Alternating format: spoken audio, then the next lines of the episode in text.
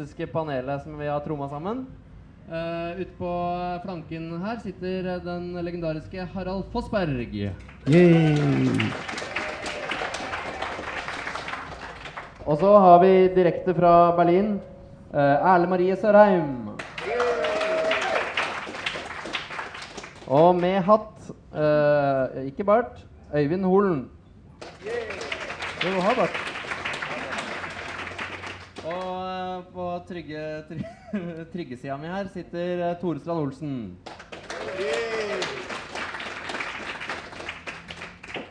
Ja. Jeg skal finne fram notatene mine, ja, så jeg vet hva vi skal snakke om. Det er lov å trekke lenger inn. Det er bare lov å trekke lenger inn. Og så sier dere fra hvis det er uh, vanskelig å høre lyd og så videre. Da hører jeg ingenting. Ja, jeg skal nevne bare før vi setter i gang at uh, dette her blir uh, tatt opp på bånd. Sånn at uh, i etterkant, hvis dere syns det var vanskelig å få med seg alt, så går det an å høre det om igjen på podkast på iTunes. Um, vi skal Vi setter i gang med første tema. Og det handler om den store splitten i Tegneserie-Norge. Ehm, det er en uh, Mange her har fått et inntrykk av at det finnes en, et stort uh, et stort eh, skille i norsk tegneseriemiljø. Um, som her på bildet representeres ved Alternativsnobben. Uh, og på den andre, andre siden har vi Pondus-Harry. Var det du som ville ha håndsopprekning med en gang, Harald? Jeg vil gjerne se hvor mange snobber er der i kveld. Opp med hendene nå, ikke vær sjenert. Se her, ja. 40 Ok, få se alle harryene. Dere kan godt si uh, uh, uh, uh. Harry, Harryfolk rekker ikke opp hånda. Ok, Da holder du å si uh, uh, uh, uh. Kan jeg si noe? Jeg, jeg, jeg mistenkte at det var veldig få pondusharrer i publikummet. Så jeg har spilt, bestemt meg for å spille på to hester. Derfor denne hatten. Hvis jeg har hatten på meg, så er jeg snobb. Hvis jeg tar den av, så er det da min indre pondus-harry som snakker. Jeg, jeg er litt splittet i dette, nemlig. Merker jeg sjøl. Så jeg, jeg, står litt på begge sider. Jeg er litt irritert over snobbene, men jeg er jo mest snobb selv. Ikke sant? Så, og det gjelder vel eh, alle i panelet her, at vi, vi, er vel, vi vet vel ikke helt hvor vi står. Og vi vet vel egentlig ikke helt hva denne debatten eh, eh, eller denne splittet går helt ut på, så det skal vi jo se om vi kan finne litt ut av. Eventuelt kanskje vi finner ut at det ikke er noe skille i, i tegneseriemiljøet. Ehm, disse knappene her er vanskelig. Vi kan jo se litt på statistikken. Dette er ferske Dette er ferske tall eh, og grafikk vi har fått inn fra Statistisk sentralbyrå. Ehm, jeg, jeg, jeg, tar en, jeg tar en liten innføring i dette, kjære gjester, før vi kaster oss på. Ehm, fordi dette her viser jo sånn cirka geografisk eh, hvordan det ligger an. Eh, store deler av Norge preges av pondusharry. Østfold, altså? Ja, hvis du ser på Østfold der, Ja, Jeg, er, jeg er fra Østfold. Dette her stemmer ikke. Det er en liten blå flekk nede på eh, Østfold der. Jeg legger merke til at skillet går mellom Gjøvik og Hamar opp til Lillehammer. Det, det bekymrer meg litt, egentlig. Ja, brutalt over Mjøsa der. Ja, for at Jeg trodde litteraturfestivalen var på Lillehammer, ja, men det må tydeligvis ha bomma der. Ja, den ligger uh, Midt i Hariland. Den ligger, ligger så vidt inn i Hariland. Og hva er de to røde flekkene mot Mot? Ja. Nei, det er noen eh, snobber som har bosatt seg der og flytta vekk fra byen. Det er så liten enklave oppe ved Trysil eller noe. Så dette, disse to disse, disse navnene her er noe som dukket opp uh, når vi begynte å snakke om uh, dette skillet som kanskje fins i tegneseriebransjen. Uh, vi skal se litt hva som eventuelt kan finnes på hver sin side av det skillet. Kanskje ikke er geografisk. Men eh, her er det skille eh, vist eh, ved grafisk framstilling. Kan vi si at eh, vi f.eks. har kommersielle humorserier som Pondus på den ene sida. Det blir da Pondus her i sida, ja, sikkert. Og eh, alternativserier som eh, her representerte ved to prototyper på den andre sida. Ja, altså eh, Replikk. Ja, kom igjen. Ja. Eh, jeg syns ærlig talt du ser at to typer går mot Harry. Og vi veit jo hvor de gutta kommer fra. Gjør vi ikke det, Kristoffer? De skulle gått Vi veit hvor de kommer fra. De går, de går inn mot Pondusharryen. Du bare skjuler deg bak sånn undergrunnsstempel. Du liksom prøver å være litt sånn på. Virkeligheten Jeg veit det nok. Du satt på, du satt på T-banen, du. Jeg jeg er også litt uenig i dette, for dette, dette er kanskje de to seriene som forener de to splitten. Ja. Uh, jeg- vil heller si at uh, skisme Altså, jeg har anmeldt tegneserier i mange år og, og, og har fått mye tyn for liksom å, å fokusere på det snobbete. Så det mest snobbete du kan gjøre, er å, å like Jason og, og franske tegneserier. Så jeg nådde da min snobbetopp da jeg anmeldte Jason på fransk. Fordi han ikke var, ble gitt ut på norsk ennå. Så, så det er det ultimate. På, på den andre siden så tror jeg vi har de klassiske uh, eh, Nei, eventyrserien Fantomet og, og kanskje den viktigste av alle, som er Tex Willer. Der kom hun, der kom hun, ja. Bra. Vi får se hva som dukker opp her. Ehm, det byrået, reklamebyrået som har lagd denne fram, grafiske framstillingen, de eh, har jo tolket det fritt, så det er jo ikke sikkert det stemmer med det, alle våre oppfatninger. Her har vi, ja, her har vi eh, en klassisk actionhelt, eh, kan vi si. Eh, Tex Willer på den ene sida og en typisk antihelt fra indie-scenen. Buddy Bradley på andre sida. Eh, det kan jo være et eh, Det kan hende de er på hver sin side av det skillet. Og så er det vel noe som handler om eh, litt også hvordan tegneserier blir eh, presentert på. Her er det rølpete og glorete eh, tegneseriehefter på den ene sida. Og en lekker, eh, jålete, innbundet eh, bok som eh, Det er jo fint at du kaller svastikaen for lekker. Det, Ja, de kunne estetikken. Der, eh, ja. Men der, der har du også overlapninger, for du har jo samlebøker på altså kommersielle samlebøker og, og lefser eh, som er undergrunn, eller hva du skal kalle det. Ikke sant? Så akkurat innbindinga kan ikke definere om det er å havne, hvilken leir det havner. Altså, hvis, du sitter med, hvis du sitter med den pytonboksen til sånn ca. 1600 kroner, da, det er det ikke så mye, ikke så mye svinesund over det. altså. Nei, det er ganske for sånn, sånn feinschmecker, det. Ja, litt fæsj. Det er sånn der, Se, jeg er så rik at jeg har råd til å kjøpe eh, Pyton i stive permer. Jeg, jeg tror Skal vi se, nå jeg ta ned. Jeg, jeg tror at uh, at, uh, at, uh, at innpakningen har hatt mye å si. Da, for det, jeg merket det når jeg var 14-15 år gammel.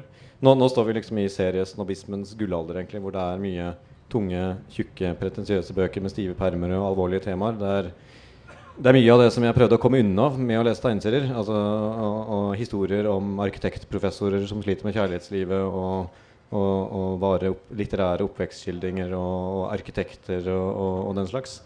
Eh, og det samme skjedde jo eh, på 80-tallet, da jeg var 14-15 år, eh, når vi fikk Cappelen voksenseriebølgen. Da, da blei det så mye dyre, harde permer og, og, pretensiøse franske serier at det eneste måten jeg overlevde det på, var å begynne å lese Judge, Judge Dredd, rett og slett. Eh, det var eh, motgiften mot mot eh, snobb, snobbismen på, i rundt 88. Vi, eh, vi tror det kommer, samme kommer til å skje. Jeg tror, jeg tror vi får en eh, jeg, jeg lukter backlash. eh, den som kommer, eh, kom, den, ja, den, er, den er jo der allerede. Det, det ser man jo på, på temperaturen i, i debattene. Ja. Eh, vi skal se hva flere eksempler som reklamebyrået har funnet fram til oss. Her har vi den klassiske samleren, som eh, kun er opptatt av verdien og kvaliteten på selve papir og, og sånn på tegneseriene. Og så har vi den snobbete kunstneren som lager ting som ingen skjønner på andre sida. Er det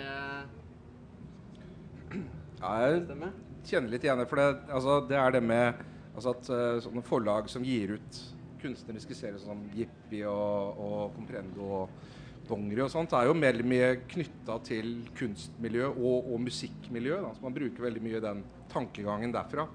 Særlig, særlig kunstmiljø, da, for det er jo ve veldig mange av de som er, gir ut serier der som har kunstutdannelse, og, og driver med mange driver med musikk òg, og alle eh, Hver gang de lanserer en eller annen bok eller tegneserie, så blir det lansert enten med konsert eller utstilling.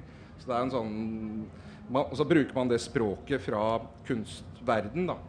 Mens eh, nerdene bruker jo eh, Altså, eller der er, jo, der er jo veldig konkret. da Det er liksom bra tusjing, og det er eh, bra, bra gjort med blyant og godt plotta og sånt. Mens med kunsten så er det sånn Du driter deg ut hvis du spør hva det handler om. Ja. Du, det er, man verdsetter forskjellige deler av, av produksjonen, på en måte. Ja. Så har du businessmannen på den ene sida som bare skal tjene penger. Og så har du de eh, hardt arbeidende og seriøse kunstnerne på, på andre sida. Vet ikke om dette er eh, riktig. Fins det, finnes det omvendt? Fins det businessmenn på alternativsida og, og hardtarbeidende kunstnere på harrysida? Tror dere? Øyvind? Eh, jeg, eh, ikke kanskje ikke i, i tegneseriebransjen, men jeg vil jo si at, at liksom noen av de mest sånn, sambåndsproduserende populære serieskaperne, Charles Schultz eller Carl Barks, var jo vel så ja, det- var jo virkelig de som var de hardtarbeidende eh, slavene som, som, eh, som virkelig sto på for kunsten sin, utenom å, uten engang å få ikke Barks tilfelle til eh, navnet sitt.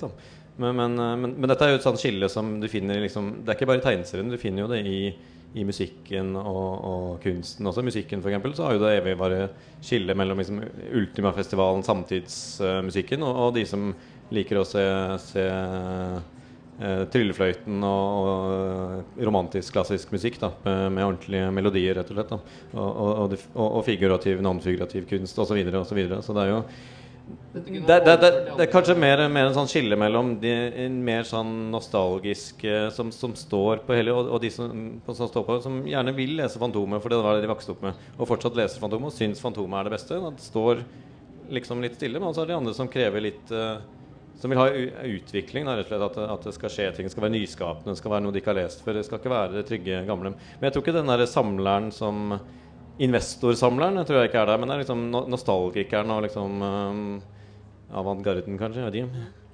Jeg tror vel drømmen om å bli rik er ganske like stor på begge sider. Problemet til uh, alternativgjengen er vel at uh, smaken deres ikke er den gjengse folkesmaken, og at uh, de heller ønsker å, at folket skal endre smaken sin til deres. Nettopp. Og, og da, det kan jo skape en viss bitterhet også, selvfølgelig. Man seg over folkets Ja. Ja, og det er vel også det at man vil jo helst like noe som er litt sært. da. Altså at uh, Hvis noe blir for populært Det er ikke sånn når du er uh, 17 år og liker et band, så plutselig slår igjennom. Og da er jo ikke Da liksom liker alle det bandet du likte. Og da er ikke det Det er litt den holdningen der, da. At uh, det skal være mitt. Så det, er, det handler mye om hva publikum eh, velger å, å like pga. sin egen eh, identitet. Ja, det er mye identitet. Altså, det, er veldig mange, det er veldig stor respekt for uh, Frode Øverli og, og Pondus, men måtte den være så jævlig populær? Da? Ja, ikke sant? Det er det som er problemet. Ja.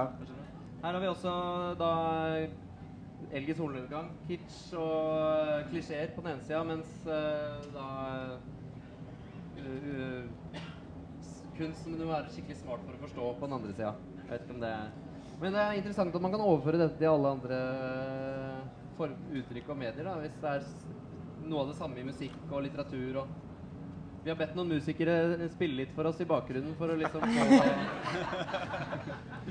få helheten her. kommer en busslass med rumenere om et øyeblikk. Det er, eh, kan dere få gjette hvilken side av streken vi har tenkt å putte dem på? Mm. Nei, men eh, jeg ser litt på denne her, eh, blandingen her. Jeg ser Buddy Bailey, f.eks. Uh, og det Vi må jo huske på at en gang i tida så var liksom Pyton var det store tiss- og bæsjbladet som alle elsket å hate. Og de som elska det Å, gud, så vi elska det. ikke sant? Så kommer det da inn en kar og som begynner å liksom gjøre det litt, eh, litt finere. Eh, det var en redaktør en periode som tok inn f.eks. hate og diverse annet. Og da, da det Jeg kjørte jo bladet rett i grøfta. Det var sånn der, Folka fikk ikke nok tiss og bæsj. De fikk plutselig folk som sa vrange ting og hadde sånne serier, ruter med mer enn tre setninger i og sånn. Det var forferdelig vanskelig alt sammen. Nå høres jeg sikkert ut som en jævla snobb, men eh, jeg syns det var en perfekt blanding av kan du si, sånn derre høyt oppe og litt sånn deilig lavt nede. Ikke sant? Alle syns det er kult å høre på liksom, Emerson Laken Palmer, mens man samtidig også syns det er fett å høre på Sweet, for å bruke en sånn musikalsk analogi. da. Men det er farlig, kan være farlig å blande disse to sidene. eh, I hvert fall Ja, vi, vi hadde Absolutt jo, ikke. Jeg, jeg må jo si Det var litt skummelt, for jeg var jo med når vi, i, altså, eh, eh, Valdemar Hepstein ble jo redaktør for Pyton. Og han kjørte en ny linje med at nå er det slutt på tissebæsj og promp. Nå er det fekal, urinal og, og Hva heter det? Eh, ja. Eh, Flatulens. Unnskyld. Takk. Det var, det var linja, og salgstallene stupte jo. Så det Jeg, jeg tror ikke liksom skillet går mellom, mellom liksom da den hva skal vi si, masse, masseunderholdningen og, og den litt mer alternative seriekulturen som er med hate og, og to til typer. Jeg tror heller det handler om noe mer moderne, hvor da massekulturen er, som tegneserier er i ferd med å dø ut. Hefter selger jo ikke lenger. Fantomet skrumper i omlag, Donald, alle heftene forsvinner. På den annen side så ser vi da liksom sånn eh, voldsom uh, boost av serier som kommer liksom inn på parnasset. Opp i, i, Står ved siden av romanene. Handler om alvorlige, viktige ting og er veldig pretensiøse da, både i, i, form og innhold. Altså vi, vi snakker om de det, det, som virkelig hater, da, seriesnobbene Nei, som uh, Pondus-harryen, det, det, er jo det som det virkelig begynte å vise seg for, var jo når Chris Ware var på, på Raptusfestivalen i 2003 eller 2004. Chris Ware er noe som, som vinner debutantprisen for romaner uh, i The Guardian, uh, og, og, samtidig da ikke noen skjønner hvorfor er noe bra. Og, og, og samtidig som liksom den massekulturen som de elsker, er i ferd med å gå med i forvitring. Da. Så, de, så er, opp, de, de, unge serietegnerne vil jo, eh, vil jo bli den nye Pondus? Uh, ja, ja det, det, er nok riktig. Og det er nok litt sånn særnorsk fenomen. For jeg tror ikke det, det er så, så, vanlig ellers. Men, men uh, Pondus er liksom en, et helt eget fenomen da, som liksom går på tvers av alle, alle ting her, tror jeg. Det, det, er veldig få som hater Pondus. Eller jeg har sett veldig få griseslakter av Pondus, f.eks. Her har vi også her ser dere at uh, man har også plassert uh, Raptusfestivalen på den ene og Oslo Comics på den andre. Den eneste personen i uh, Norge som jeg kan komme på som er elsket av alle, er jo deg.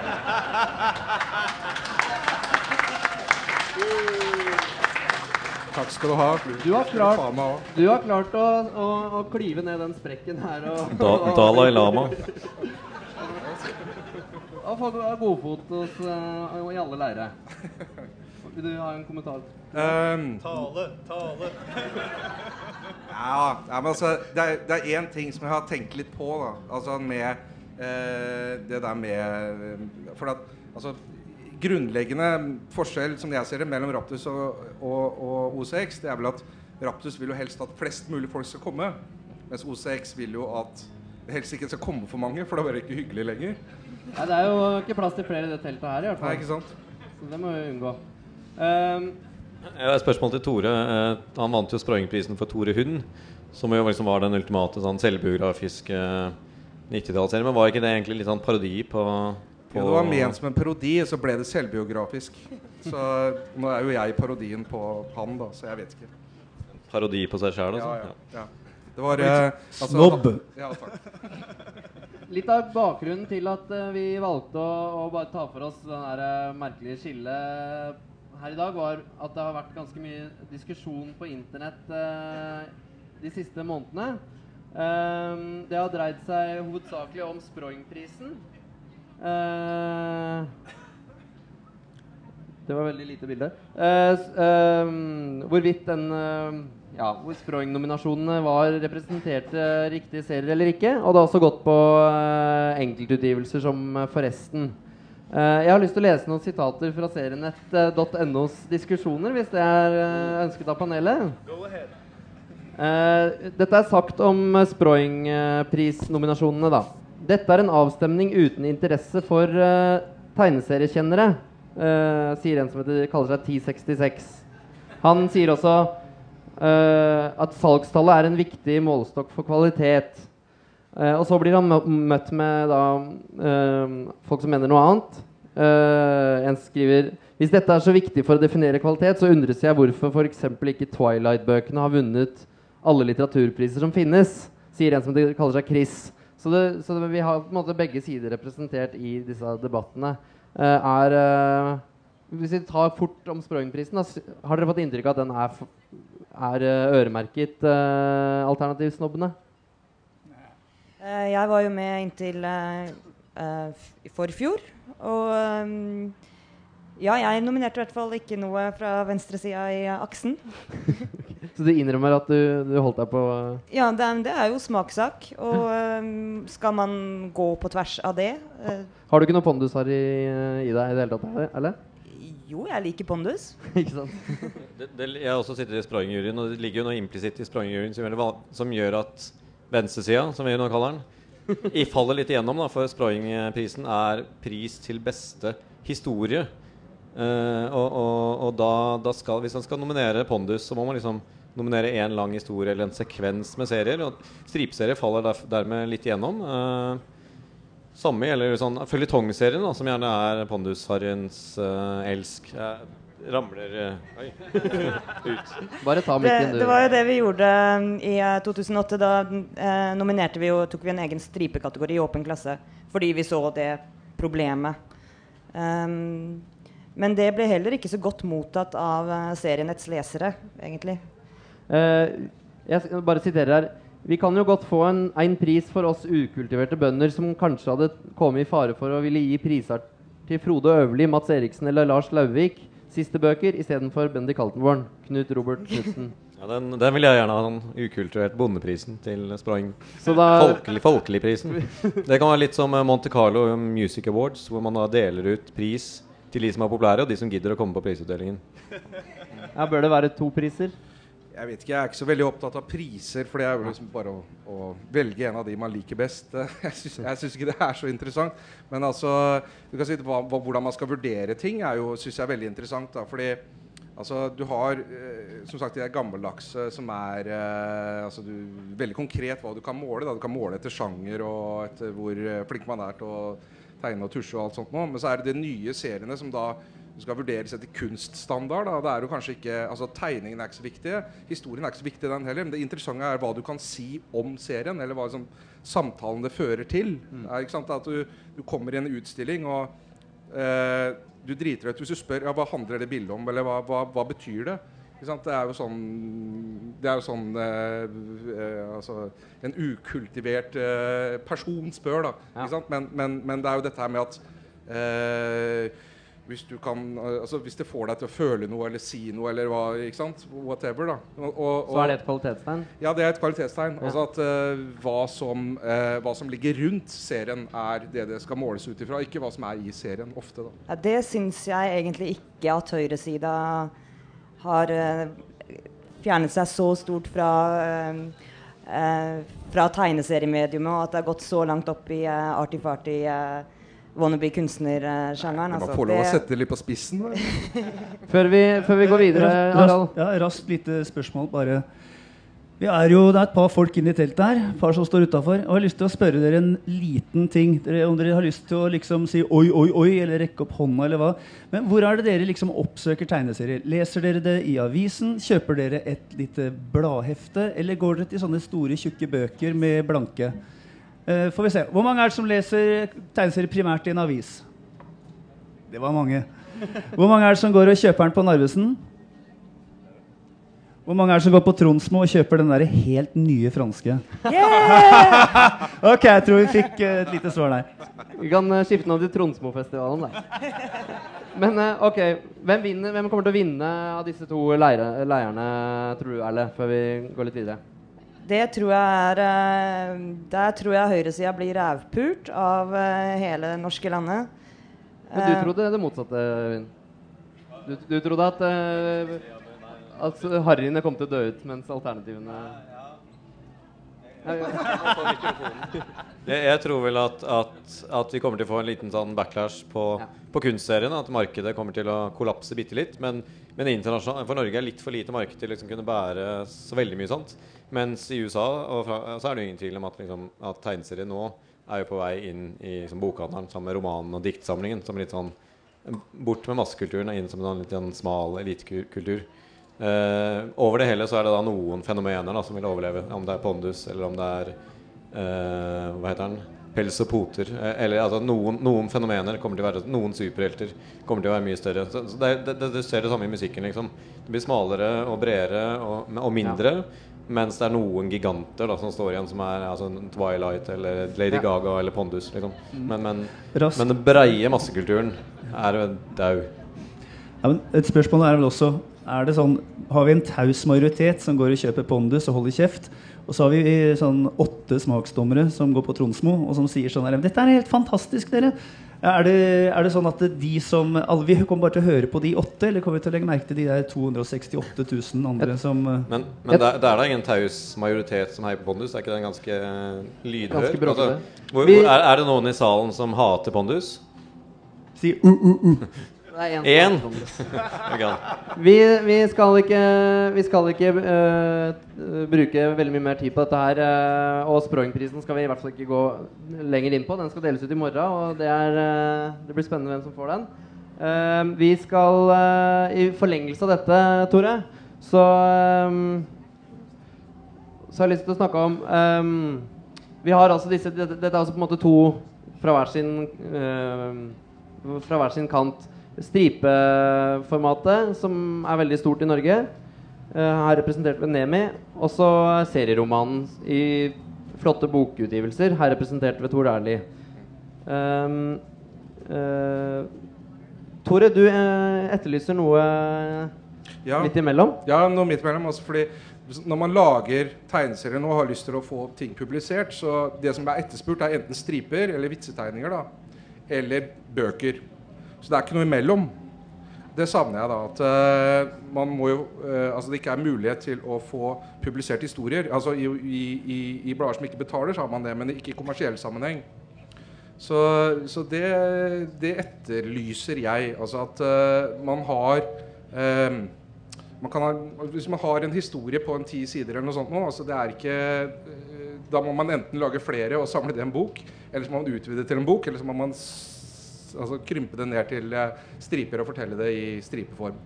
Så det er ikke noe, det er ikke noe imellom. Så du kan si eh, Jeg har jo prøvd med å, å, å, å snakke med, med altså Det er jo Skipsted og, og Eggman på dette her, om det går an å starte noe blad med, med litt historier i. Det, ja, eh, det var jo ja, Propeller var et forsøk på det.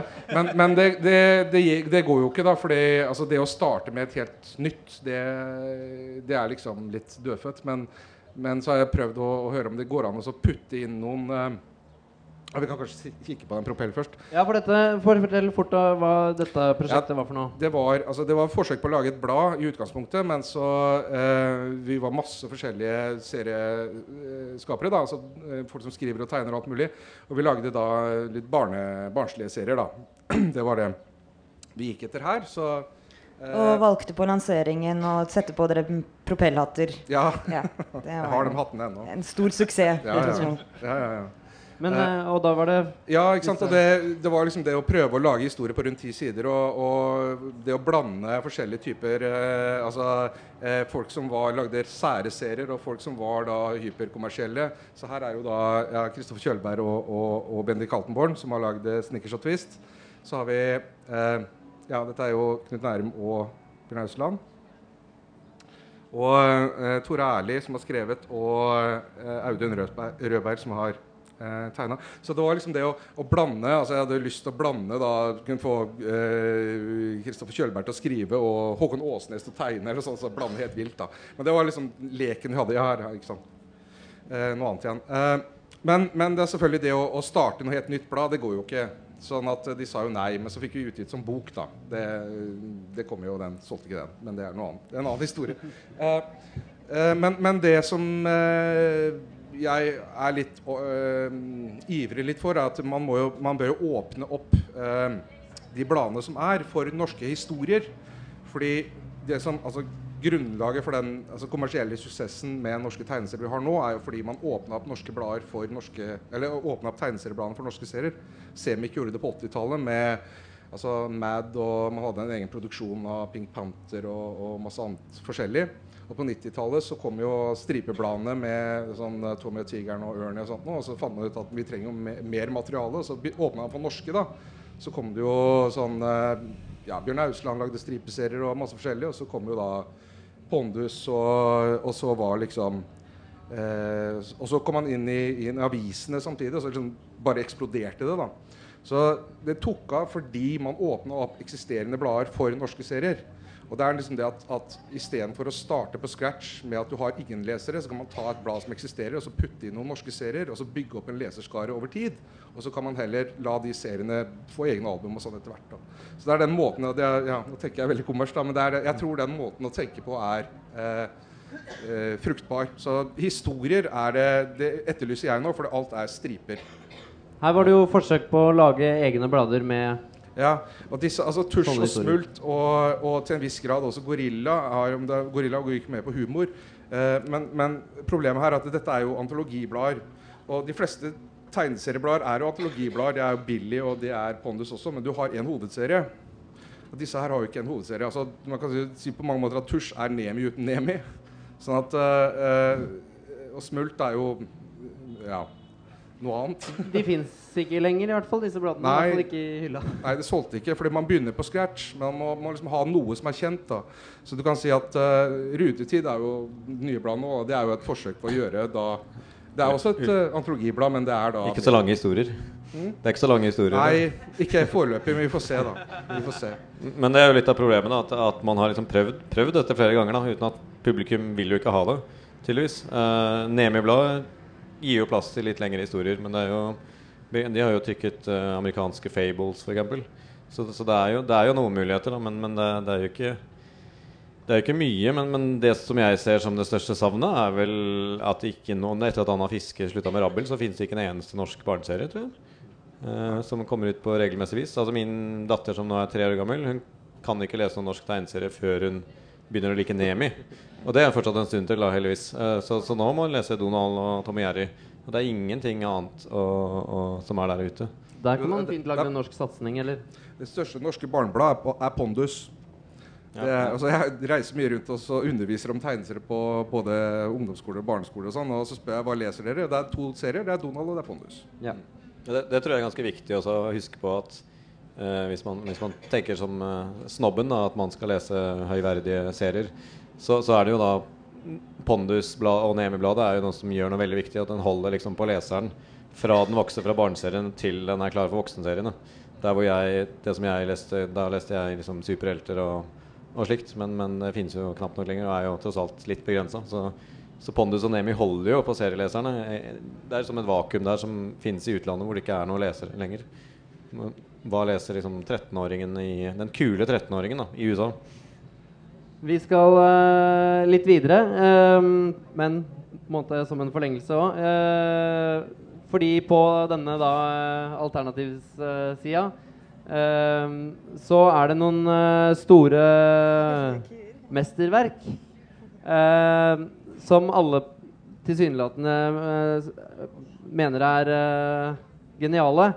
Derav den hellige kua som vi eh, ser her. Så vi skal se på noen hellige kuer innen, uh, innen tegneserieromaner, og da se på noen eh, utgivelser som er kommet uh, nå nylig, eller uh, i de siste åra i norsk oversettelse. Og vi skal gå ganske Vi kan gå ganske sånn rølpete og fort gjennom disse her. Men den første som alle kjenner til, sikkert, og som Ja, det virker som alle er enige i at det er eh, en veldig bra tegneserie. Han stikker. Han. Jason eh, forlot has left the building. Dette er Jimmy Corrigan, uh, 'The Smartest Kid on Earth', um, uh, av Chris Ware. Og den kommer på norsk uh, fra No Comprendo forlag nå eh, om ikke så lenge.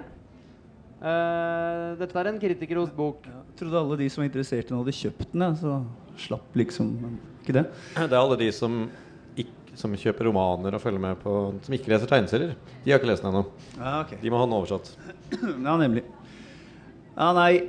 Alle er vel enige om at dette er et mesterverk, eh, Fossberg? Nei. Nei. Er, um, jeg er helt sikker på at det er mange av dere som synes beundrer dette. Se på de fine stripene og se de flotte diagonalene. Og det er så mye fint sånn riffing på nydelige, dekorative bilder. Men det Altså, helt i bunnenden er dette her rett og slett altså Det er sånn der en, en slags tragisk Baltus Brun. Det er sånn Charlie Brown-figur som kommer igjen i flere forskjellige eh, varianter. Som sagt, lekkert dekorert, men altså det er dessverre dette er en hundebæsj i en bløtkake. Det er utrolig altså Jeg sliter noe uhorvelig. Hver gang jeg ser den, så blir jeg sånn derre Fortell, fortell hva historien er. Liksom, sånn oppsummert. To, to setninger. Hva, hva, er, hva er storyen her? Er En fyr som er jævla trist, og som lengter etter far sin. Slutt.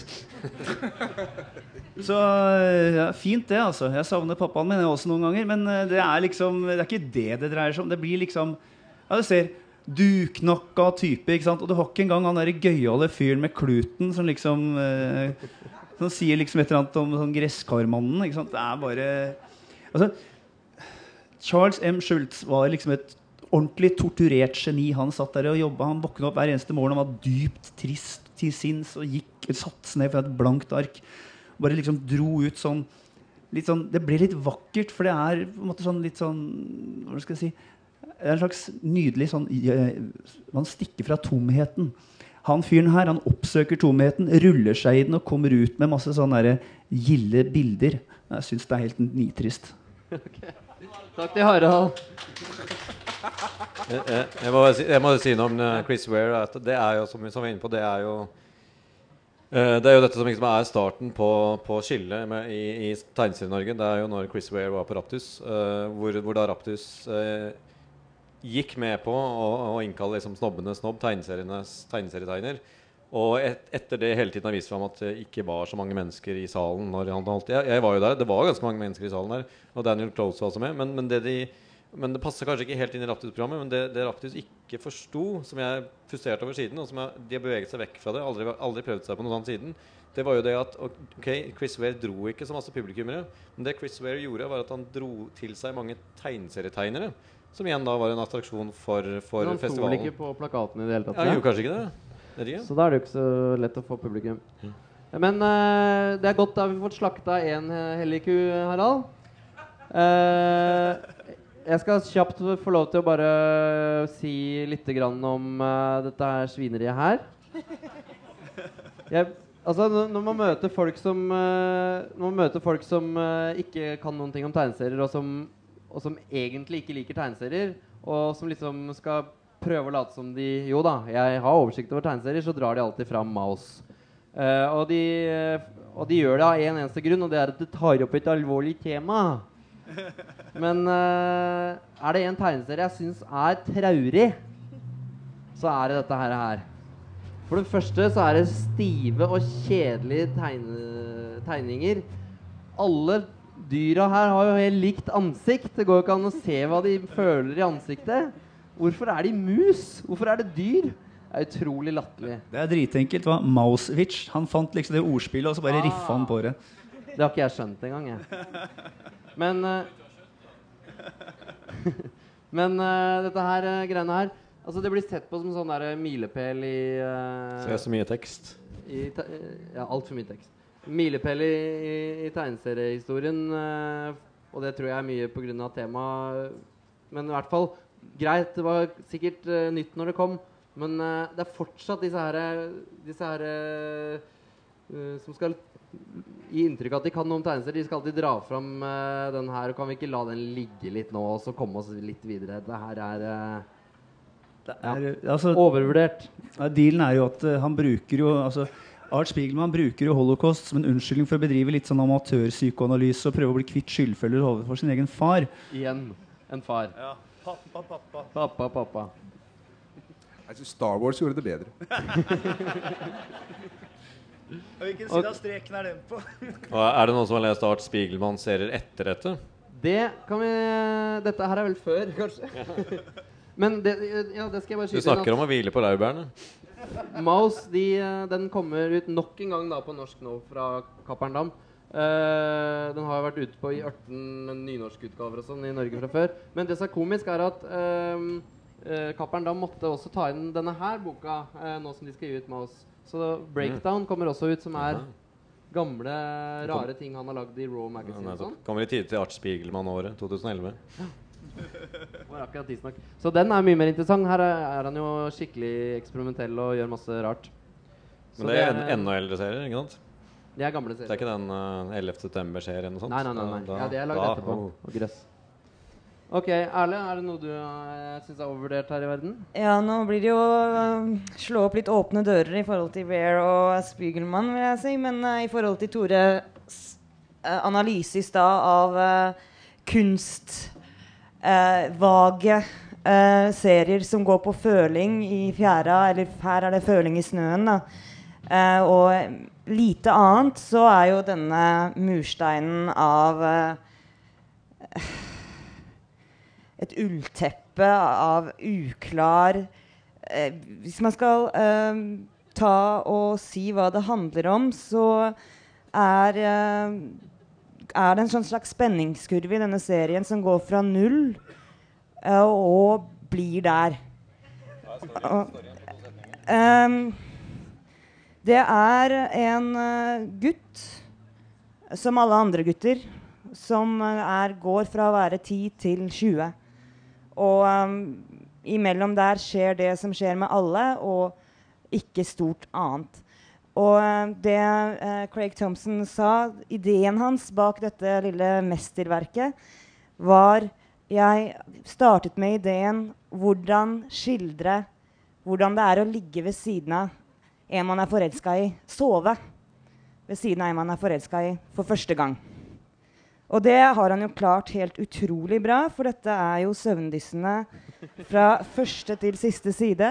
Og det er så mange løse tråder i det teppet der at uh, jeg er fascinert. Uh, for eksempel så begynner det med en lillebror som tydeligvis har litt problemer. Seksuelt misbruk av barnevakten. Man tror at noe skal skje. Han kommer kanskje til å falle sammen her. Det virker som om noe er i gjære. Han får seg kone og barn og blir vellykket og lykkelig i Michigan. Um, dette kjærlighetsforholdet er som alle andre avstandsforhold i 18-årsalderen. Det faller bort, det smelter bort om våren. Og det Det var det. Uh, det er en sånn uh, tam bredpensla, snøromantisk versjon av uh, David B's epileptisk, egentlig. Her er det Bare at her er det pene mennesker. Ja. Men minus at broren i epileptisk har jo epilepsi. Det er jo kjempemorsomt. Her er det bare en helt vanlig bror. som jeg trodde liksom at her får man kjempetraumer når denne broren blir 14. Han slutter å tegne. Det er det verste. Men det er jo store poetiske øyeblikk her hvor de bl.a. påpeker at alle snøfnugg er forskjellige. Trekker ikke det opp litt? Jo, det er jo uh, Altså, det er fullt. Og siste Jeg har bare lyst til å, å lese eh, det siste avsnittet, egentlig, som er veldig vakkert. Noe er det siste avsnittet er det 200 sider? ja, det er, det er, ganske mye, da. Men det, jeg, kan, jeg slutter når jeg ikke orker mer. Noen ganger når man våkner, kan resten av en drøm være mer forlokkende enn virkeligheten. Og man gir motstrebende slipp på den. Ja, uff, nei. Eh, så går man her videre. Men det her er veldig fint, for her kommer sånn allegori til det å være tegneserieskaper på en veldig sånn snedig måte. Da, for det er på en måte snømetaforikken som hele tiden ligger i bånn her. Det snør jo. Eh, så tilfredsstillende det er å sette spor etter seg på en blank overflate. Aha. Smart. Å lage et kart over min bevegelse, hvor midlertidig det enn måtte være. Og etter 582 sider så var den tiden borte. Veldig bra. En tidstyv, altså. Vi, vi jeg, jeg, må si at jeg, jeg likte, likte tepper, jeg. Ja, Ops. Sånn. Jeg, jeg, likte uh, Jeg ga den også en femmer når jeg anmeldte den. Ja, det er lov å anbefale seg. Ja, det er jævla bra. Det er jævla bra. Hadde du men, sovna, da? Som, som er, den er litt som med pondus. Det er, det, er ikke, det er, ikke, tepper som er problemet, det er alle, etter, eh, alle kopistene. For etter tepper så er det da blitt helt legitimt å, å lage hvis man lager historier om de helt, helt hverdagslige ting, gjerne oppvekstting, gjerne sånn helt, helt hverdagslige familieting, så er det bra bare du drar den ut til 500-600 sider. Da er det topp. Det, og dem er det mange av nå. Eh, det er en sånn ting i forlagsbransjen i, at hvis man skriver en bok som er over 500 sider, så kommer man over i en annen Da får man et høyere honorar i, uh, i forlagsbransjen. Og eh, jeg mistenker at det er noe av det samme som har skjedd i amerikansk uh, tegneserie eh, forlagsbransje. At her er det en sånn motivasjonsfaktor som eh, er, er, tvilsom. Takk, eh, Erle. Eh, jeg tror ikke vi rekker å si så mye om eh, andre kjedelige prisbelønte tegneserier. Uh, hvis ikke Tore vil kaste seg inn og slakte Joe Sacco. jeg tror jeg melder pass. Men uh, Jeg likte bedre den bosniske. Nettopp. Dette går ikke an å lese. Det er så mye tekst og uh, kart. Nei, for kart uh, er jo overhodet ikke passende i uh, tegnet form. Nei. Da uh, syns jeg var en fin runde med slakting. Vi skal titte litt på litt andre nye utgivelser uh, også. bare bare slår fast at nå er vi ferdig med de hellige kuene. Så det som kommer nå, er ikke nødvendigvis hellige kuer. Når kan dere komme inn igjen? um, eh, vi skal se på den eh, utgivelsen her. Uh, Øyvind, har du to, to ord om den? Ja, da er vi jo tilbake på det hellige kuen igjen, faktisk. Eh, Dette er fjorårets mest, altså unisont mest kritikerroste bok. Tegneserie. Bare kort, er det flere i panelet som har uh, lest eh, denne? Nei. ja, Oss to. dette er uh, jeg, husker, jeg husker aldri hva den heter, selv om jeg ser den. Asterios Asterios Polyp av David Polyp. Eh, David Mazzucchelli er jo kjent som mestertegneren uten noe mesterverk. Og, og endelig har han Hva skjer nå? Der kom hun. Endelig har han, uh, har han uh, liksom laget sitt storverk, da, sin tegneserieroman. Mazzucchelli er jo, ble først kjent som tegneren av Batman Year One med Frank Miller. Daredevil. Og, ja, og Daredevil uh, Born Again. Og så hoppet han av superheltsjangeren totalt for å liksom gjøre sine helt, helt høyst personlige ting. Eh, hvilket viste seg ikke være så veldig mye, siden det gikk veldig sakte. Han ga vel ut to nummer av soloantologien Rubber Blanket. Og så ga han ut en som jeg virkelig liker, men, som heter City of Glass. Men, men som igjen er en adopsjon med hjelp av en forfatter av Paul Auster sin roman. Men kanskje en av de beste romanadopsjonene jeg har lest noensinne. da Og, og så forsvant han fra jordens overflate igjen. Det er vel, ikke, det er mange år siden City of Glass kom ut.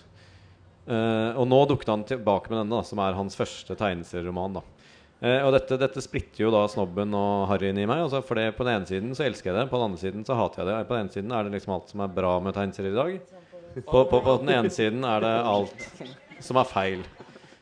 For dette er jo, dette er jo liksom Dette er jo det som jeg også da synes er litt problemet med tegneserien i dag. At man er så bevisst om at man har fått en ny, smart og eldre lesegruppe. Så da, da, da, da havner vi liksom i den romanfella som jeg prøver å slippe unna hele tiden. Da. Så dette handler jo da om en arkitekt.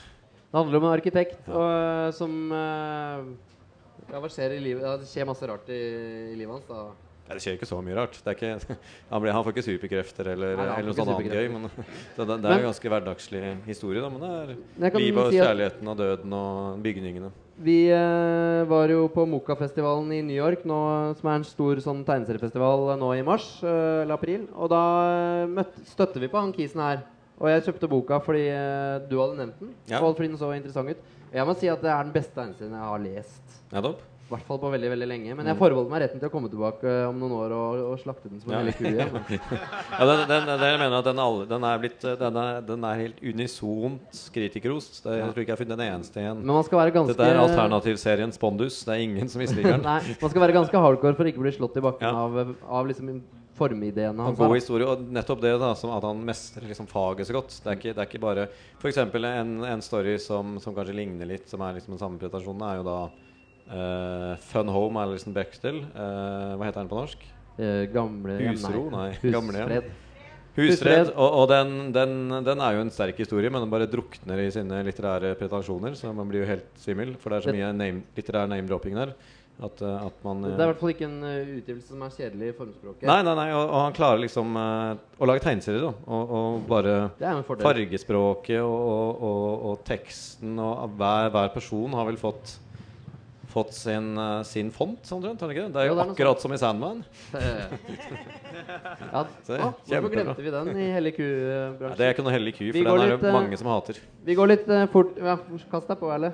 Jeg syns vel kanskje Sandman også er det der eh, i borderline mellom eh, de to eh, Hatten på snei.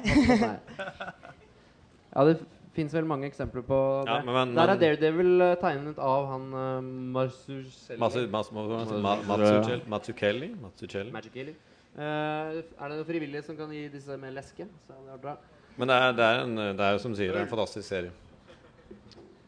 Men jeg husker aldri hva den heter for noe. Asterois Polyp? Ja, Nei, ja. Aster, Asterios polyp. Jeg skal bare Vi skal gå litt raskt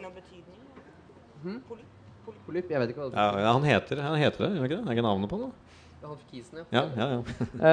uh, Bare en kjapp, har sett mest eh, på bildene. Vi har sett på bildene mest. Bare en kjapp anbefaling eh, fordi vi har en serietegner på festivalen her som ikke er en offisiell gjest, men som heter Amon Espy. Som eh, er fra Baltimore i USA, som lager veldig veldig kule tegneserier. Så jeg anbefaler å sjekke ut tingene hans i morgen. Eh, han lager skal vi si, eh, veldig mørke, dystre ting, men veldig morsomme. Uh, de er i hvert fall ikke kjedelige. Og det er veldig mye bisarre ting som skjer. Det er litt som Nemi. Nei, ikke akkurat. Men den, så han har, bor her i morgen, så det går an å sjekke ut. Bare Det var kort innspill fra programlederen. Harald, Ja. hva er dette for noe? Det var litt ja, det der, det er snusk av en annen verden. Jeg skal fortelle dere en fæl historie som jeg fikk før i dag. Det er en fyr på jobben min som forteller at han, han har gått og kjøpt dette, dette dingset her. Og han har latt det ligge rundt i stua. Sønnen hans på fem år kommer inn og begynner å bla gjennom det. Og nå sitter han fyren med et jævlig digert forklaringsproblem. For, for femåringen. Det er, eh, nei, men dette, her, dette her er det mest heslige, vemmelige og fantastiske som jeg har lest i løpet av den siste uka. Kan du oppsummere historien i to, to, mistet to setninger? bildene her. Uh, dessverre. Uh, hva, det er episoder som uh, f.eks. Kuken min og Mm, ja. Fitta og ja, ja, ja. Det Store rasshøl i himmelen. ja. Så har vi jo også noe kjære Jensen. Vi har blant annet et uh, firma julebord fra helvete. Det er, sånn, det, er så, det er så superkleint at det, sånn, det knytter seg litt sånn der vidunderlig i magen. Du tenker sånn uh, Jeg er glad jeg ikke er der. Uh. Samtidig snusker sånn Shit, jeg har vært der. Uh, shit, jeg har vært der. Det er, eh, nei, det er ordentlig. Det er, eh, han sitter der borte. Kom igjen, nå. Reis deg opp, da, Kristos. Kom igjen, da. Ta imot folkets jubel. Ok, da. Han huker seg enda litt ned. Det er bra. Ja, For de som ikke fikk med seg, så er det også Welsmatch nummer ni av Kristoffer Nilsen. Og det er det først, første Welsmatch på ni, ni år. Hva sier du? Ja, dessverre. Eh, Sensurert, tror jeg. Der. Um, uh, Er det noe som er anbefales lighter eller noe? Og den, den kom ut nå uh, Nå nettopp, så den her skal Jeg, sikkert jeg, jeg signeres her det på festivalen. Som, som en litt sånn innlegg i seriesnobbist-debatten. da, som er, Det er jo en, en, en påminner om liksom undergrunnseksplosjonen på 60-tallet, egentlig. Hvor man brøt alle tabuer i tegneseriene som man kanskje har glemt litt når det, når det hele handler om alle Og så er jo det jeg også da liker med tegneserier, at det er litt uh, punk og anarki, rett og slett. Det er ikke, det er ikke bare litteraturprofessorer og arkitekter. Det, det er uh, er kroppsvæsker. Jeg, jeg, pleier jo å beskrive dette som om dette er Christian Nielsen som, som om han ville ha tegnet i pyton. Uh, og, og det er jo kanskje noe som vi gikk glipp av, som hadde vært veldig morsomt. Men, men vi, er, vi er nesten der. da Det er en påminnelse om at tegneserier er mer enn tunge serieromaner og, og, og, som kan, og teater og, og den slags uh, Ja, du- fint. Det, det, det, det, du kan ikke vise det til femåringen. Du sa Eller det var en, du kona. trodde det var en Jeg har, fått, jeg har fått leseforbud fra kona. Jeg får ikke lov til å lese Christopher Nielsen mer. for barna. Jeg prøvde å lese den der på toget ned til jobben. Jeg har et sånn litt sånn fint lokaltog. Tar tolv minutter. Sitter der med Weltschmerz og begynner å bla. Kommer forbi Stein Erik Hagen. Parodi, litt sånn der ondskap, kollasj. Kommer inn på fitte. Ja. Så fyren begynner å dra ned buksa. Det er en bind og noe greier. Vi behøver ikke gå så mye nærmere inn på det, men uh, i hvert fall Og så er han på vei liksom inn. Ja. Og da så jeg meg over skulderen og lurte på om det var noen som satt bak meg. Det var, uh, det var litt Du- du- eh, mm. Du kan gjemme det inni et nummer av cocktail, kanskje. Er, er, Erle, hva er dette for noe? Dette ser ut som noen snobberier. Takk. Rart navn også, ja. Ja, det er eh, eh, japanske Jiro Taniguchi. Taniguchi? Taniguchi? Eh, han har bl.a. laget uh, H.O. Bochan. Eh, og han har også eh, laget Ikaro, som var eh, basert på Møbius sitt eh, manus. Og den her kom vel i eh, 2000, nei, 1998. Eh, det er egentlig en ganske klassisk eh, historie eh, barndomsskildring. barndomsskildring. men den uh, artige vrien er jo at han eh, altså Det er også interessant. Her kommer arkitekten inn igjen. Han er eh, arkitekt. Uh, Fyllesyk arkitekt.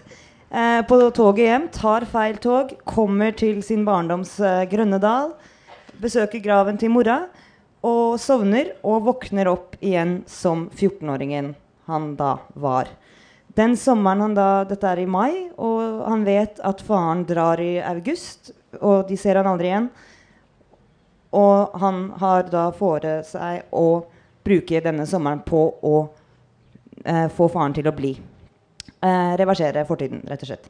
Det som er morsomt, er at eh, når jeg studerte filosofi i grunnfag, så hadde vi et helt kurs, faktisk.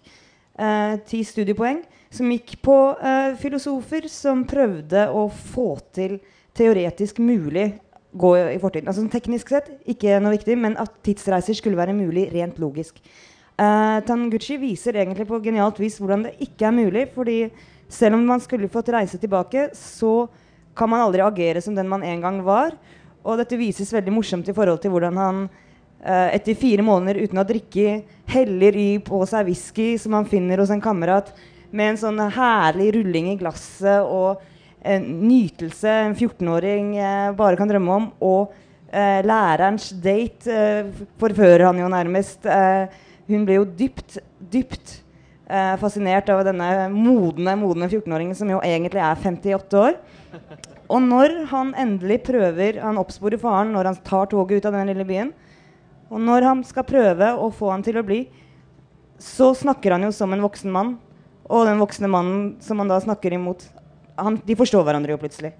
Så jeg syns det er en sånn veldig fin måte å vise at det som har skjedd eh, Du kan aldri gå tilbake der du har vært.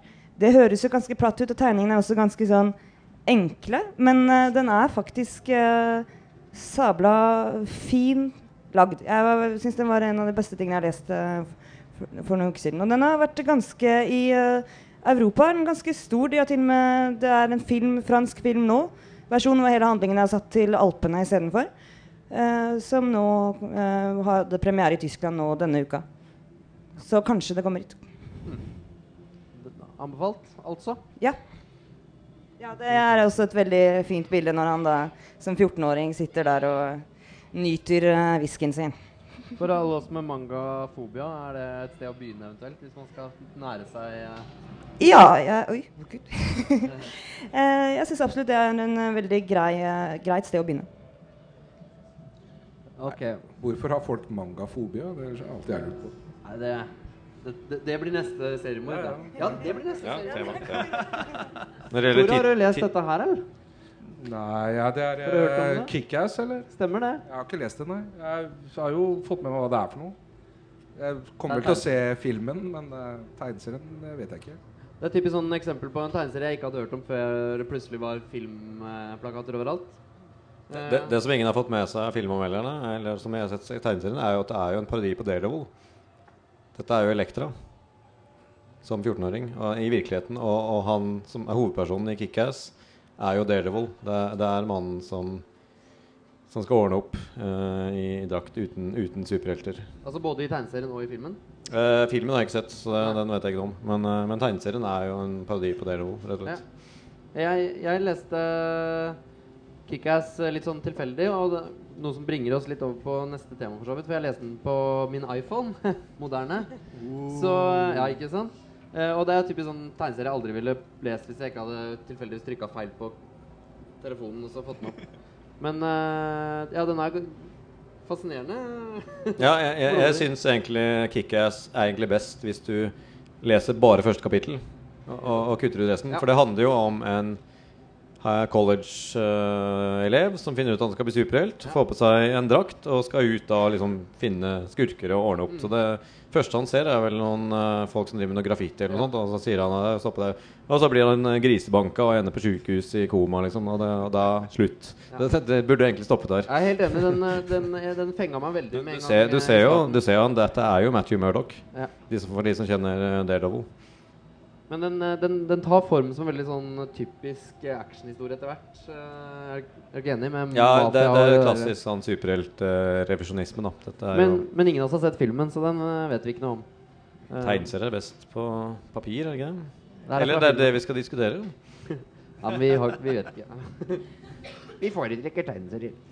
Men eh, altså eh, en tegneserie som eh, Som jeg leste på, på iPhone eh, på senga eh, fordi lyset var slukket og eh, Jeg tenkte det var greit å lese på den for ikke skru, måtte skru på lyset. Eh, og eh, det Eh, ja, Er det flere her som har prøvd å lese tegneserier sånn elektronisk? Kommer aldri til å skje. Det er bare tull. Tegneserier skal alltid være på papir. Ikke Altså, noe du, du kommer aldri til Nei, å prøve nei, det er ikke snakk om. Jeg har ikke mobiltelefon engang. Før, Erlend. Um, striper. eh, Altså det, jeg leser jo alltid de uh, på eh, elektronisk. Det har På jeg nett? gjort, ja, på nett. Det har jeg gjort i mange år allerede. Uh, uh, de i Dagbladet.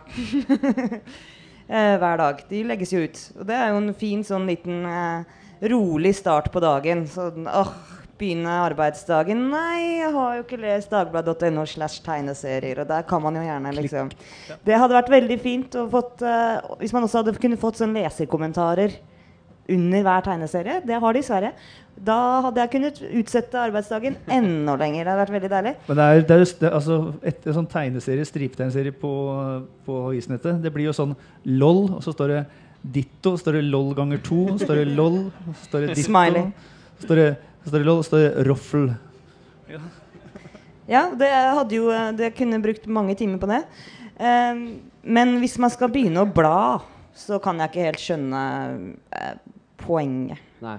Bortsett fra liksom sånn når man kan, hvis man kan scrolle masse i f.eks. på sånne ting som det er, så man slipper den tyngden av letthet. Ja, nettopp. Min, min, min erfaring med, med å lese på telefon er, eh, er at, eh, at det fungerer ganske bra å lese. Da leser man rute for rute istedenfor uh, side per side. Og fordelen med det er jo da ser du ikke hva som skjer tre ruter framover. Så det blir litt mer spennende. Uh, jeg har lest uh, også Walking Dead, den zombieserien, på iPhone. Funker veldig veldig bra. Den er også lest på papir, så det var greit å sammenligne. Uh, og så vi- og så kan eh, tenker jeg nesten at dette er egentlig en Altså Nå kommer eh, iPad og sånne ting, så man kan lese tegneserier i farger på skjerm. Eh, fordelene er jo selvfølgelig at du kan ha det med deg rundt og, og sitte på trikken og laste ned neste episode istedenfor å ha med deg masse bøker. Eh, jeg tenker også at det er en, en vei inn for eh, eh, til å gjøre lengre historier er En slags eh, comeback for lengre historier. Fordi er det én ting som fungerer dårlig på eh, sånn, særlig sånn applikasjoner og sånn, så er det striper. Eh, for det er jo det er masse bry å laste ned, og så skal du lese den stripa. Det tar jo to sekunder. Og in- kanskje Jeg, jeg tror det kan funke bra, for det, det, det er mer komplisert enn striper, som du sier. Men så er det også det er enklere enn enn en roman. Og, og hvis du lesebrett eller iPhone eller iPad eller gud vet hvis det er på T-banen eller noe sånt, så er det ganske fristende å lese tegneserier. Jeg, jeg har aldri tatt med tegneseriehefter på T-banen fordi det går så fort å lese. Nei, nei, nei, fordi det er ikke tegneserier. For det, for det første er jo tegneserier tegnes. Nei, Tegneserieromanene er jo store og klumpete å bære med seg, og, og så leser man dem fort. Man vil jo gjerne ha noe som varer litt. Men, men telefonen sin og jeg en, fikk en begeistret melding fra en kompis som hadde Hadde sittet fast i heisen. Og da hadde han lasta ned Marvel-serier på sin nye iPhone. Da, så da, da Ja. var det ganske gøy å sitte fast i heisen, faktisk. Det er fun det funka overraskende bra sånn. Håper vaktmesteren ikke kommer. Det aller mest Før- før eh, Dr. Octopus eh, Det er aller mest superheltserier og Marvel og sånn som ligger ute foreløpig på de forskjellige eh, ja, eh, utgiverne som tilbyr dette her. da Eh, Men det blir spennende å se hvis, hvis det der lesebrettet blir eh, sprer om seg, så blir det sikkert enda mer eh, Tenk deg å lese Astori, Asterios Hva heter den? Asterios Polyp på på iPad på ja. T-banen. Da er du konge, da. Tore, Ja, har, du, da, er da, er da er det på med snobbehatten. har du noen erfaring Eller med sånt nå, Weltsparch nummer ni. Ja, Weltschmerz 9 på, eh, på brettet, det tror jeg funker veldig bra når du bare får en kukk midt i trynet. Sitter på trang T-bane nedover hånden. Ja, nei, det, det er ikke den siden du tror det er, altså. Uff, det kan bli skummelt. Tore, har du noen erfaringer med å lese på sånt nå? Jeg har ikke noen erfaring med det, men jeg er veldig nysgjerrig på det. Altså Hvis det er som du sier at det går an å lese en historie, da. Fordi altså striper og vitsetegninger gjør seg jo veldig bra på nett. Mm. Fordi du, du åpner opp, og der er det fyller skjermen. Men hvis det er sånn at du kan flippe videre og lese en lengre historie, så syns jeg det er veldig interessant. da Altså Jeg liker striper og vitsetegninger, bare for å si det òg, men altså at, at uh, muligheten for å, for å fortelle historier er jo Ja, brenner jeg litt Ja. for. det. Ja, men eh, mot det, alt det her, så syns jeg at eh, Altså, eh, litteratene som eh, er, blir nostalgiske over boka. Boka er viktig. Den må jo ikke bli tapt. Og boka i seg selv er kulturgods som trengs. Da, der syns jeg jo tegneserieverden har en mye større og, eh, og bedre argument. Fordi altså, å, å, ha en tegneserie uten forside og mellomside og, og trykksverte og lukt eh, Lukt er viktig, mener du? Ja, kjempeviktig. Selv når den er vond, er den viktig. Ja, lukte- lukteapp til. Jo, Du men, får på, sikkert sånn scratch and sniff iPad etter hvert. men altså, fordelen her er jo at uh, altså, hvis du kjøper da en, hvis det er en spenningshistorie, da, så er det en overraskende slutt. Så hvis du kjøper et tegneserieblad, hvor eh, du får, så, så, så kikker du litt på siste sida, så at du vet jo hvordan historien slutter før du begynner å lese.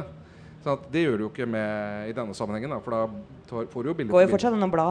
Ja, her ser dere kan se ganske jævlig ut. Og på de her lesebrettene som fins nå, eh, som er svart-hvitt, så blir det ganske grumsete og rart. Og, og her er det hele tegneseriesida. Det ser jo veldig klønete ut. Dette er en Sonny Reed. Ja, det veit jeg ikke. Mens dette derimot er jo uh, Apple som velsigner menneskeheten nok en gang med sine produkter.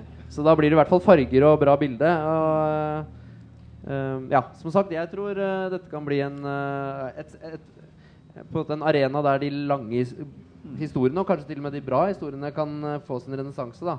Eh, stripene har jo eh, er de som har vunnet på nett. Det, det er ubehagelig å lese lange historier på, på nettsider.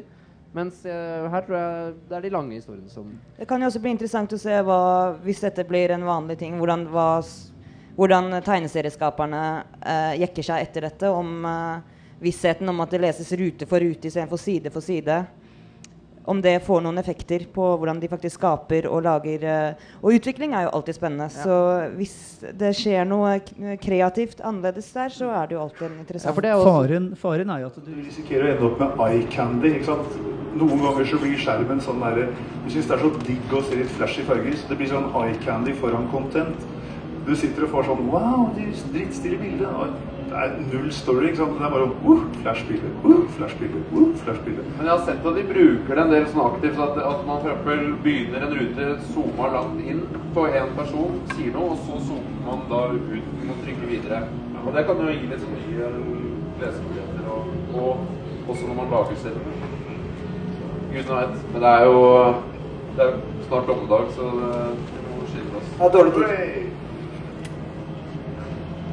Eh, ja, dette er på da disse iPhone og tegneserier. Det er fortsatt veldig få altså, tegneserier som er, er tilgjengelig. Så, og, og nesten på superhelter, som man skulle ønske at eh, sånn som eh, litt alternative forlagene og Fantagraphics og sånn også kaster seg på og tilbyr de lange historiene sine. Hint, hint. Da er vi kommet til veis ende. Eh, hvis det ikke er Ja, er det noen som bør brenne linne, så får dere kaste dere på. Men Ja, er det noen spørsmål fra salen? Det skal vi love å gjøre neste gang. Når skal vi ta neste seriemord, da, folkens? Til sommeren en gang? I morgen? Nei da. Vi, vi tar, en, tar og møtes på Mono en gang til sommeren sikkert. Eh, så da er dere velkommen eh, neste gang det skjer. Eh, nå skal jeg få lov til å si at hvis dere ikke har fått nok av meg og Harald f.eks., så kan dere høre oss på radio. Når var det, Harald? Radio Rakel Kvinnes egen er radio i morgen mellom 5 og 6. 99,3. Og da er det dessuten blodig slagsmål mellom Nilsen der borte og Flu i det andre hjørnet. Og så er det Fossberg i midten sammen med Rune Brekk. Vi prøver bare å holde unna hverandre. Jeg er faktisk på radiofront sammen med tidligere RV-leder Aslak Sia Myhre på, på søndag, hvor vi snakker om Der superhelter. ser du. Hey. Bra. Vi får, vi får plugga mye i dag, dere. Hvis dere vil ha mer av Erle, så skal du intervjue Ask og Holmberg i morgen klokka 11. Uh, og klokka 3 må vi nå glemme. Uh, og Tore, du skal intervjue Bronken. Ja, Bronken og Larmo og eh, Kosta. Altså Harald Kåstek ikke Dag. Klokka 19 i morgen. Eh, og Fossberg, du skal ta for deg Kaltenborn, Fiske, Estes og Page i morgen klokka ett. Jepp. Det er, kommer til å bli jævlig bra. Jeg satser på at alle er fyllesyke, så jeg håper at dere tar med dere litt å varme opp på, for dette kommer til å bli en jævlig blodig session. Og så, eh, når vi er ferdige her eh, nå straks, så eh, oppfordrer jeg alle til å spasere opp eh, Toftes gate til eh, 50 meter opp til Mir, der det blir eh, forrykende show med Mette og Vanessa fra Kebbe. Eh, ingen av oss som har fått noe signal om hva de skal gjøre, så det er veldig spennende. Eh, og så blir det Tor Erlig-show etter det. Eh, I morgen åpner festivalplassen her klokka 11, og da er det i gang med en gang. Og det blir eh, eh, masse salgsboder og, og liv og røre her fra klokka 11 i morgen. Så da vil jeg gjerne få lov til å takke mine kjære gjester her for at de møtte opp og eh, snakket fra levra. Tusen takk.